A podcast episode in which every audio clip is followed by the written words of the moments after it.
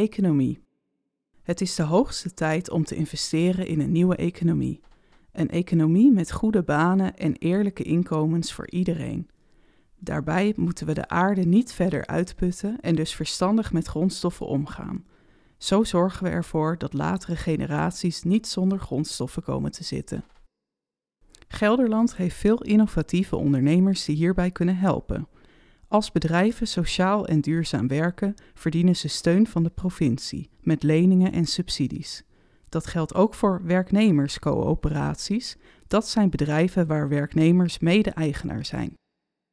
We geven dus geen leningen of subsidies aan grote distributiecentra en datacentra die het landschap verpesten en weinig banen opleveren. We zijn ook tegen de Rail Terminal Gelderland bij knooppunt Ressen. Die krijgt wat GroenLinks Gelderland betreft geen subsidie. We willen meer groene banen. GroenLinks wil dat de provincie op allerlei manieren helpt bij de omscholing van mensen naar groene banen, bijvoorbeeld het installeren van zonnepanelen of isoleren van huizen. Ook moeten bedrijven geholpen worden als zij willen omschakelen naar groene activiteiten. De natuur leidt onder te veel toerisme. We moeten voorkomen dat straks niemand meer van de natuur kan genieten.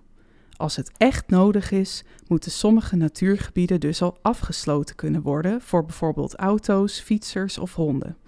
Voor boeren die minder koeien willen houden, is natuurvriendelijk toerisme een goede manier om geld te verdienen.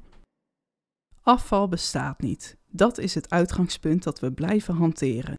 Bij het bouwen van huizen en aanleggen van wegen moeten grondstoffen voor 100% herbruikbaar zijn.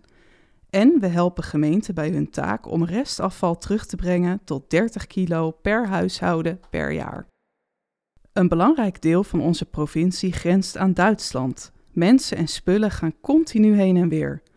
Verschillen in wetten en regels tussen onze buren en ons zorgen voor problemen.